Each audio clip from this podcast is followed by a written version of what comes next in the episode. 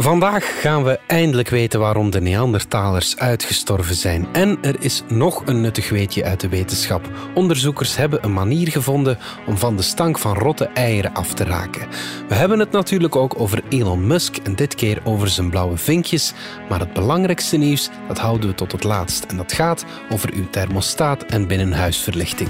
Het is 11 november en van de Standaard is dit Bits en Atomen met Dominique Dekmijn, Pieter van Doren en gastheer Bart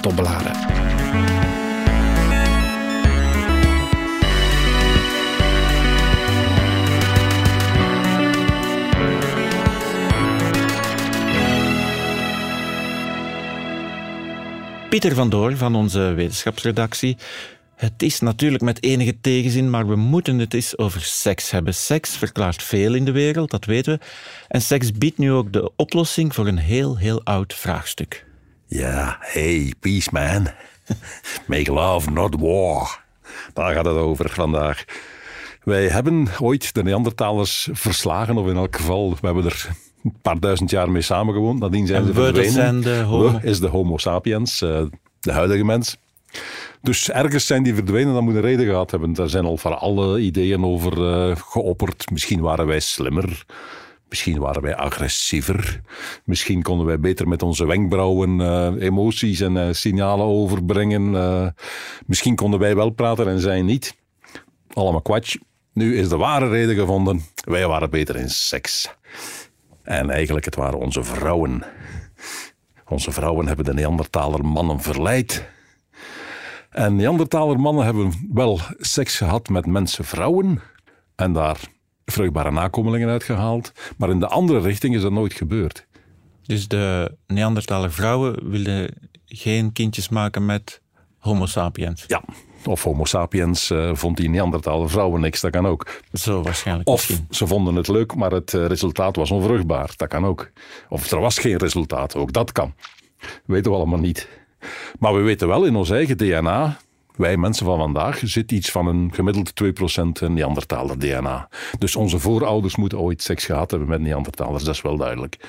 Op sommige plaatsen is het zelfs 6%, het, het varieert over de hele wereld, maar gemiddeld hebben we iets van een 2% Neandertaler DNA overgehouden uit die eh, seks van vroeger. Dat is ooit begonnen met 50% In de eerste generatie, een kind heeft de helft van papa en de helft van mama, Ja. was 50% Neandertaler genen. Geleidelijk aan zijn die verdund door altijd maar alleen binnen sapiens eh, nog seks te hebben en ook de minder nuttige genen verdwenen weer. De meer nuttige genen bleven hangen. Wat meer nuttig is, is op elke plaats op aarde niet helemaal hetzelfde. Dus er zit nu een beetje variatie in de mensen, maar 2% is Neandertaler DNA. En dat moet dus inderdaad van, van die seks gekomen zijn. Nu zijn er mensen die eens eh, grondig gaan kijken hebben naar alle Neandertaler fossielen die we hebben. Gekeken, kunnen we daar DNA uithalen? En zo ja, kunnen we daar voldoende uithalen om het hele genoom van een complete Neandertaler af te lezen? En dan kom je aan 32 Neandertaler genomen die we vandaag kennen. Ja. En dan leren we. En dan leren we dat in al die 32 geen enkel gen van Homo sapiens zit. Oké. Dus de Neandertalers hebben blijkbaar van ons geen genen meegekregen, of tenminste die 32 Neandertalers die we kennen. en wij hebben van hen wel genen meegekregen. Dus wij moeten ergens eh, beter geweest zijn in seks, verleidelijker in seks, whatever. En de redenering is nu, en die komt van eh, Chris eh, Stringer, dat is toch wel een van de grote Neandertaler specialisten in de wereld zelfs. Die zegt wat er waarschijnlijk gebeurd is, is dat wij Neandertaler mannen weggelokt hebben dat die naar onze vrouwen toegekomen zijn, waardoor ze niet meer beschikbaar waren voor de Neandertalers. Ja. Waardoor daar echt heel weinig mannen waren en je begon inteel te krijgen. En die groepjes waren al klein uit zichzelf.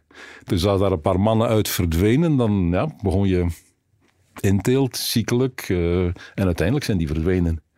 Dat is de redenering zoals die eh, deze week gepubliceerd is. Eh, de rest zal moeten blijken. Misschien blijkt dat we gewoon met die 32 niet genoeg gegevens hadden voor een zinnige redenering. Maar op dit moment in elk geval. En het klopt een beetje met wat een paar weken geleden gebeurd is. Toen heeft men eh, in Siberië in een grot voor het eerst een Neandertaler familie gevonden. Verschillende Neandertalers samen. En als je, wat er over was van het DNA, het waren geen volledige genomen voor zover ik weet. Maar als je dat vergeleek, dan zag je dat er een vader met zijn dochter bij was. En nog een paar andere familieleden. Dus die waren echt wel familie Ja, van elkaar. ja. En als je daar ging kijken, dan zag je dat er in het Y-chromosoom, het mannelijk chromosoom, dat daar heel weinig variatie in zat. Wat moet betekenen dat er uh, niet zoveel mannelijke voorvaders uh, geweest zijn. Terwijl het aan de vrouwelijke kant alles uh, normaal was. Dus ook dat wijst wel op gebrek aan mannen. En dat ik het niet verkeerd versta, het zijn dus de Neandertaler vrouwen die uiteindelijk dachten toch leuker met een homo sapiens. Nee, nee, nee, net andersom. Het zijn de Neandertaler mannen die, vonden... die een vrouwelijke homo sapiens wel zagen zitten en in elk geval hun genen aan vrouwelijke sapiensen doorgegeven hebben van waar het zich verspreid heeft en tot vandaag in ons DNA zit. Maar alles wat we hebben, voor zover we nu kunnen bekijken, komt van Neandertaler mannen. En die mannen zijn dus eigenlijk zelf verantwoordelijk voor het uitsterven van de Neandertalers? Ja, ja hebben zichzelf uh, de, de das omgedaan. Ja.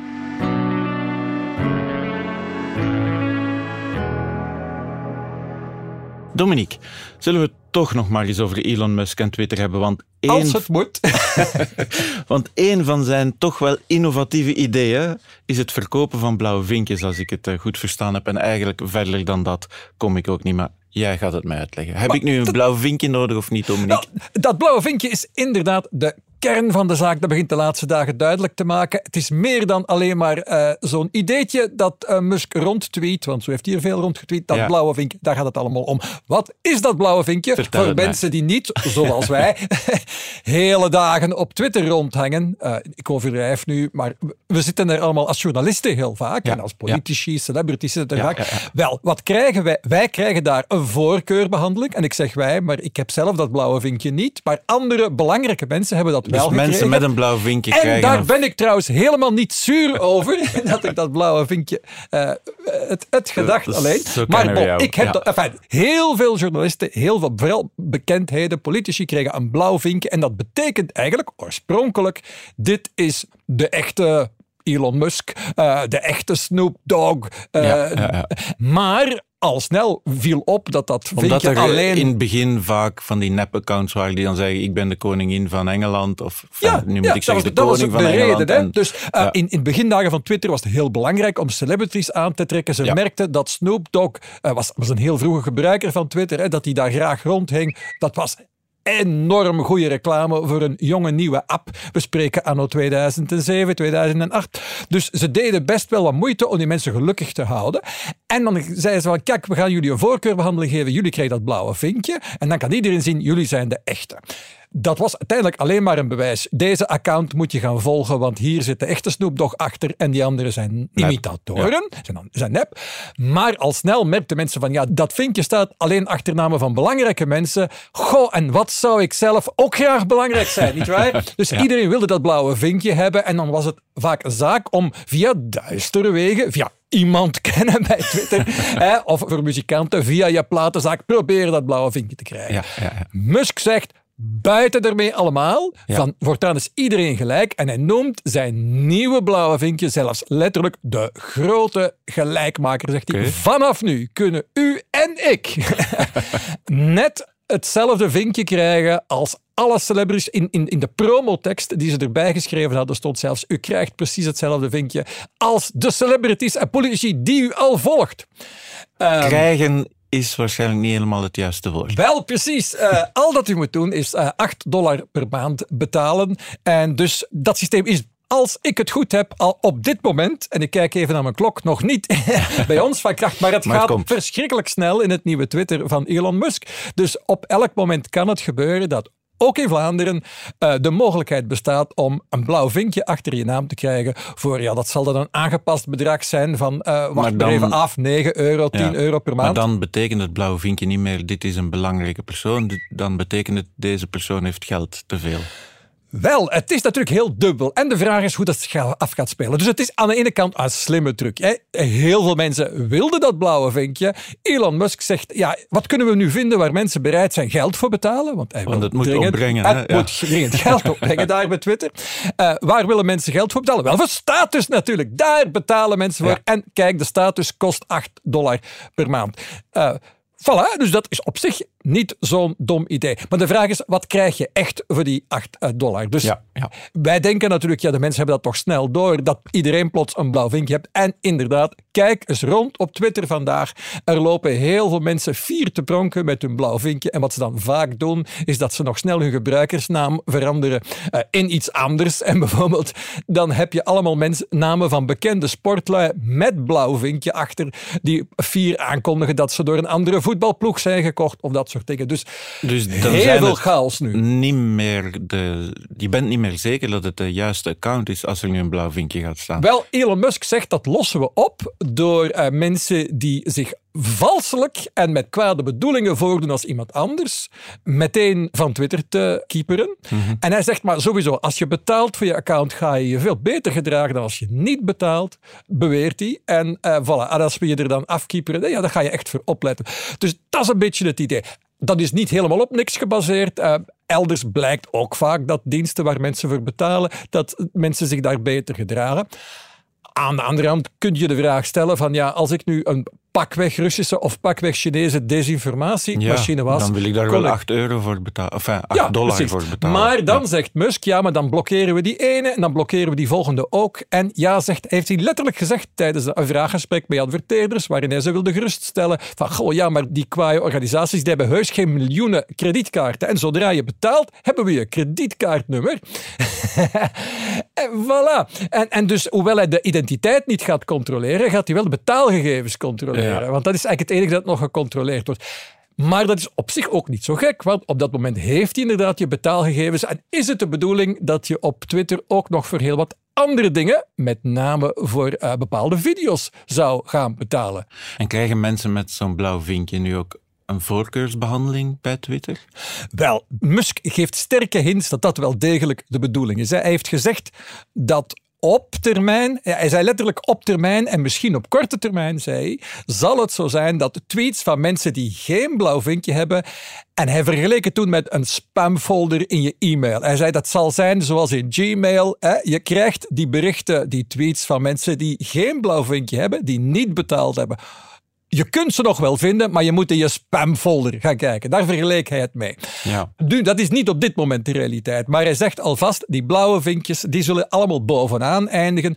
En dat wil zeggen dat als je tweet eh, zonder te betalen, dat je tweets op termijn steeds minder zichtbaar zullen zijn. Reageer je op de tweet van iemand belangrijk? Bijvoorbeeld wil je, hè, want dat is een van de grote sterkte van Twitter, is dat je daar vaak de indruk hebt dat je kunt als quasi-gelijke in gesprek treden met bijvoorbeeld politici. Hè? Ja, Er zijn heel ja, wat politici ja. die antwoorden op vragen van burgers via Twitter. Er zijn niet zoveel andere kanalen waar je dat kan. Hè. Eh, lokale politici hebben vaak nog een vragenuurtje, maar als je een vraag wil stellen rechtstreeks aan de politicus, kan dat vaak op Twitter. Wel, het idee is, als je dan zonder blauw vinkje tweet, zal die politicus dat niet te zien krijgen, tenzij je er speciaal naar gaat zoeken. Heb je wel een blauw vinkje, komt je reactie bovenaan te staan, is die wel meteen zichtbaar. Dus als je mee wil doen met de grote jongens Ja, maar en meisjes het, op Twitter, dan moet je betalen. je noemde het de grote gelijkmaker, maar het klinkt als... Precies het omgekeerde, Ja. inderdaad. En dat,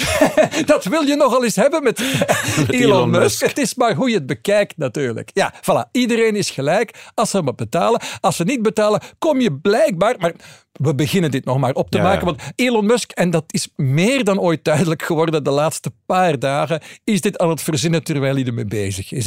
Ja, want je, Ja. er waren ook geruchten dat er nog een, een ander soort vinkje zou Ja, dan was er op- opeens enkele uren lang had je dan voor de echte celebrities een grijs vinkje. En een heleboel mensen waren aan het tweeten. Kijk eens, ik heb opeens een grijs vinkje. En een uur later tweeten ze, oh, het is weer weg. Want Musk had halverwege de dag beslist Toch geen goed dat dat te idee. ingewikkeld was, heeft dat dan terug weggedaan. Dus zo, op die manier wordt Twitter eh, gerund. En dat, is, ehm, dat blijft voor ons journalisten eh, boeiend om te volgen. Maar je weet niet echt waar het gaat Nee. eindigen. En het is niet omdat hij vandaag nu één idee tweet, dat dat ook hetgeen is dat hij morgen gaat morgen. uitvoeren. Want hij kan intussen van gedacht zijn veranderd. In ieder geval, hoe het er nu naar uitziet. En ik weet niet of ik dat zo'n geweldig idee vind. En dus of het zal werken om desinformatie te bestrijden, zou kunnen. Zou kunnen, we zullen zien. Of het helpt om van Twitter een beter platform te maken voor democratisch debat, dat vraag ik me af. De mensen die nu gratis op Twitter zitten, zullen alles nog kunnen lezen. Dat is het idee. Je kunt nog lezen, Ja. maar als je met die mensen in wil discussie wilt treden, of- ze ja. zullen je bericht niet zien tenzij je betaalt. Ik denk, als je al volgers hebt, hè, bijvoorbeeld er zijn eh, ongeveer 6000 mensen die mijn tweets lezen, ik vermoed dat, ook al heb ik geen vinkje, dat ze die in de toekomst, die 6000 mensen, mijn tweets nog zullen kunnen lezen. Ja. En u kunt ook nog altijd mij volgen op Twitter trouwens, dat kan nog steeds. Maar in de toekomst zou het dat suggereerde Musk veel moeilijker worden om mij nog te vinden. En zou ik dan op het bredere Twitter eigenlijk zo goed als onzichtbaar worden, tenzij ik betaal.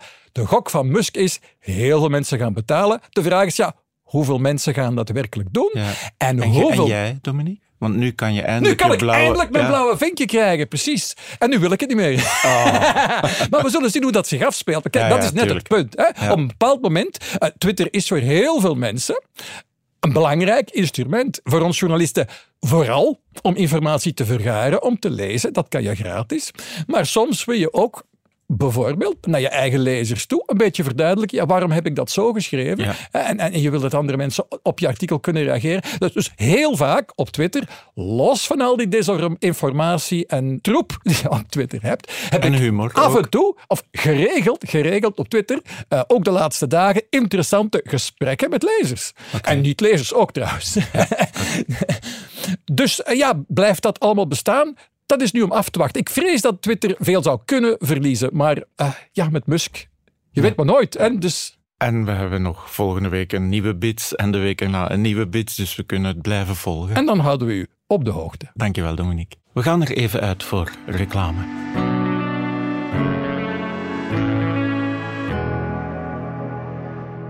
Wat vind jij nu zo fijn aan bouwen met Lego-stenen?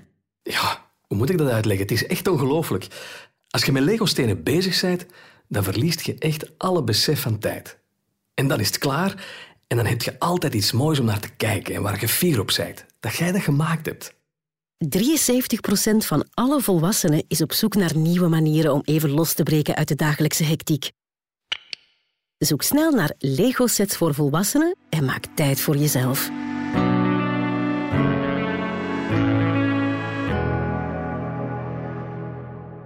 Gaan van de blauwe vinkjes naar de geur van rotte eieren. Dat Oei. is een kleine stap, hè, Pieter? het is een probleem voor mensen die in de buurt wonen van olieraffinaderijen vaak. Ja. Hè? Zo de, de weeë geur van rotte eieren. Maar er is een oplossing. Ja, er was al een oplossing, maar die was eh, heel onhandig en eh, heel duur. Nu zijn er mensen die een eh, betere oplossing gevonden hebben, of tenminste, dat beweren ze toch. Maar misschien eerst, waar komt die geur vandaan? Want die geur komt van de stof H2S, zwavelwaterstof of waterstofsulfide. Eh, twee waterstofatomen gebonden aan een zwavel, is eh, vluchtig en het stinkt naar rotte eieren. Hebben we waarschijnlijk allemaal in onze jonge jaren in de scheikundeklas wel eens gemaakt. Heb ik in de tijd ook gedaan. En de leraar scheikunde heeft toen meteen alle vensters dicht gedaan en gezegd: eh, We gaan de ding hier helemaal opendraaien, jongens. Jullie zitten het volgende uur in de stank. Jullie gaan met hoofdpijn buiten gaan. Ik kan er tegen, want ik ben ervaren in en dit toen, soort ben. Ik ben jij, immuun. En toen heb ben- jij beslist om toen scheikundige beslist om te worden. scheikundige te worden, om ook immuun te worden tegen de stank van begrepen. rotte eieren. Maar goed, er is een oplossing. Er is een oplossing. Eh, wat doen we tot nu toe? We gebruiken het Klaus-proces om eh, H2S uit allerhande uitlaatgassen te halen. Maar dat is een proces in verschillende stappen. Dan moet je het spul oxideren met zuurstof. Een van die stappen is bij 850 graden. Dan moet je die installatie weer koelen. En, eh, ja, een heleboel gedoe. Niet zo leuk om te doen. Wat doen we nu? Je neemt goud in nanokorreltjes, dus heel, heel klein goud. Die korreltjes zet je vast op zand, gewoon zandkorrels. En dat strooi je in het eh, gas dat je kwijt wilt en je zet er nog een beetje licht op. Dat licht zorgt ervoor dat die goudatomen extra actieve elektronen eh, lanceren. En die elektronen die vallen dat eh, H2S aan. En het eindresultaat is waterstofgas. Zeer nuttig in deze tijden van energieschaarste. En zwavel. Dus perfect snel, één stap. Geen temperatuurtoestanden. Het kan gewoon met zonlicht. En als je geen zonlicht hebt, dan zet je er een klein ledje op. Eh, Dat werkt ook al. Maar het klinkt wel alsof je moet gooien met goud. Of... Eh, ja. Maar goed, goud stinkt niet. Hè. Nee, maar is, heeft de neiging van duur te zijn, of overschat hij dat? Ja, niet? maar het gaat over nano-hoeveelheden. eh. je Dus kunt ook flessen tequila kopen met een blaadje goud erin. die zijn niet zoveel duurder als gewone tequila. Dus die hoeveelheid goud is er niet.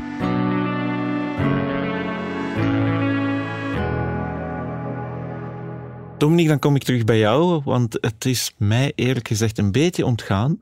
Maar vorige week was een heel belangrijke dag voor mijn relatie met mijn thermostaat en mijn binnenhuisverlichting. Ja, precies, want de Matter-standaard, Matter, hè, het het- het Engelse woord voor eh, ja, materie eigenlijk, eigenlijk, stof. Eh, zo heet het nu eenmaal. Het is niet de meest sexy naam, maar de Matter-standaard is officieel geïntroduceerd. En de eerste producten die die Matter-standaard gebruiken ook.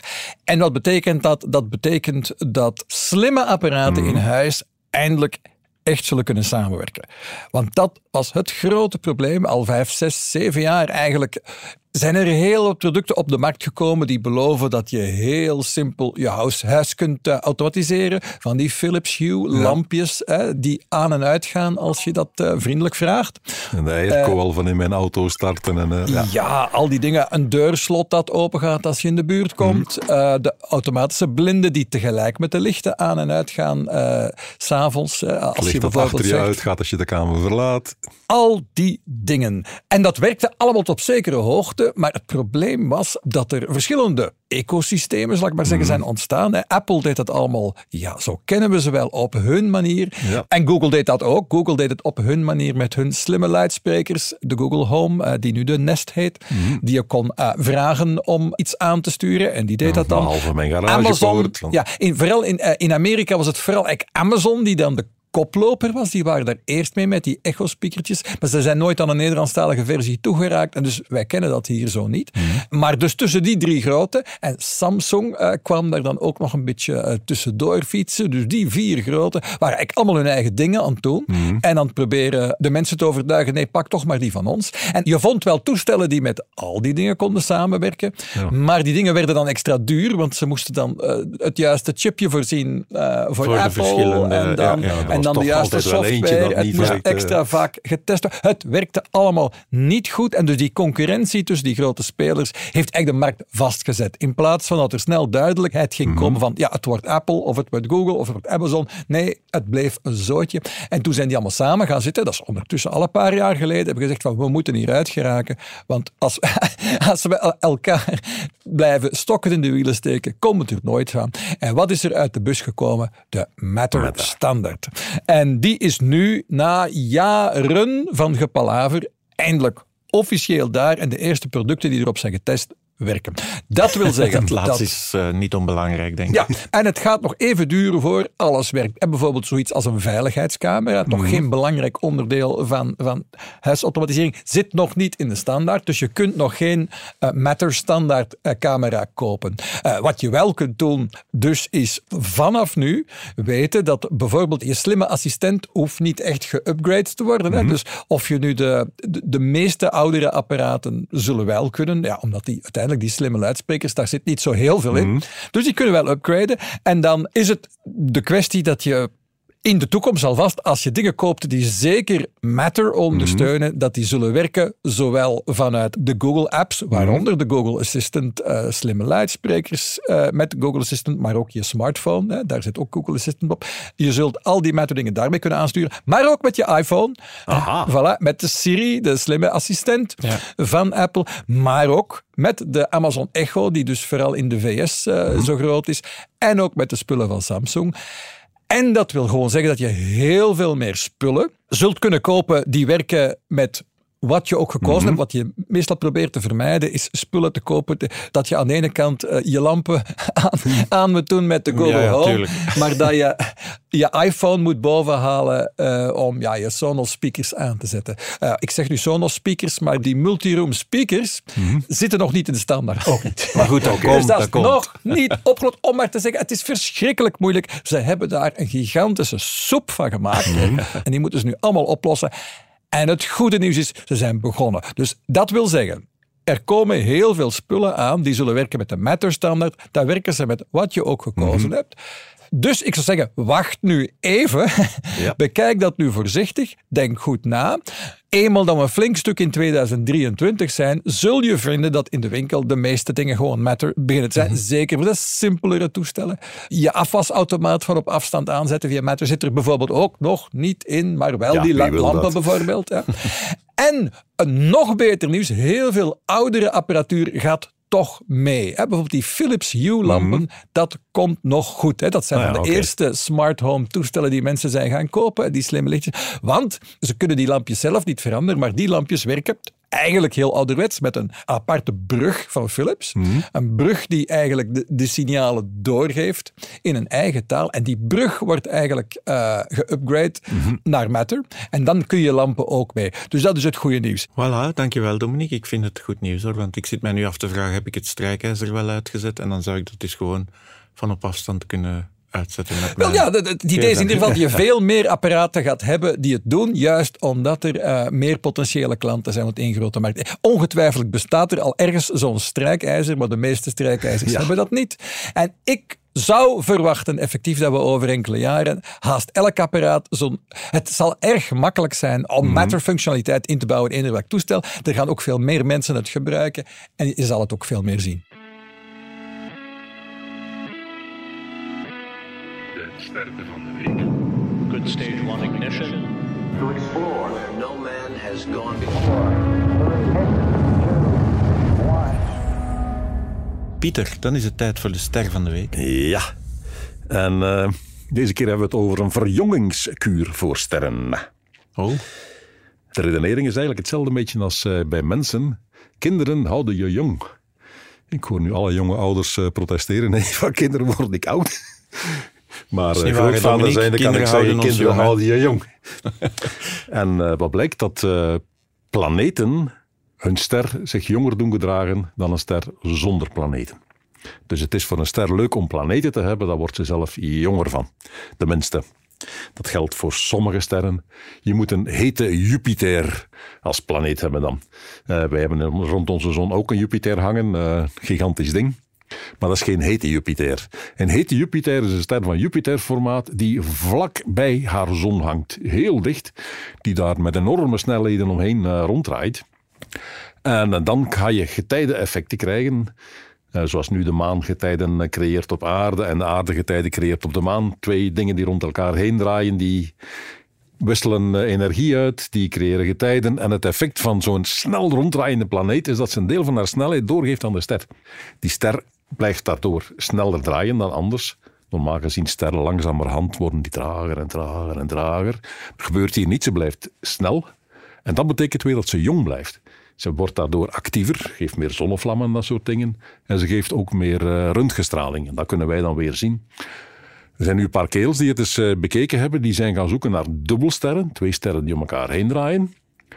En in dat koppel is er één ster die geen planeten heeft en één ster die wel planeten heeft. Dus daardoor kunnen ze heel goed eh, Vergelijken. vergelijken. En dan zien ze inderdaad de ster met planeten is jonger, is actiever dan die ster zonder planeten.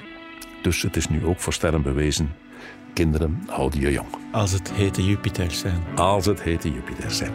Pieter van Doorn, Dominique Dekman, bedankt. Dit was Bits en Atomen. Bedankt voor het luisteren. Volg ons op Spotify, Apple Podcasts of eender welk ander podcastplatform. In onze gratis app DS Podcast kan je niet alleen ons werk beluisteren, maar ook de beste podcasttips met zorg geselecteerd door onze redacteur Max de Moor.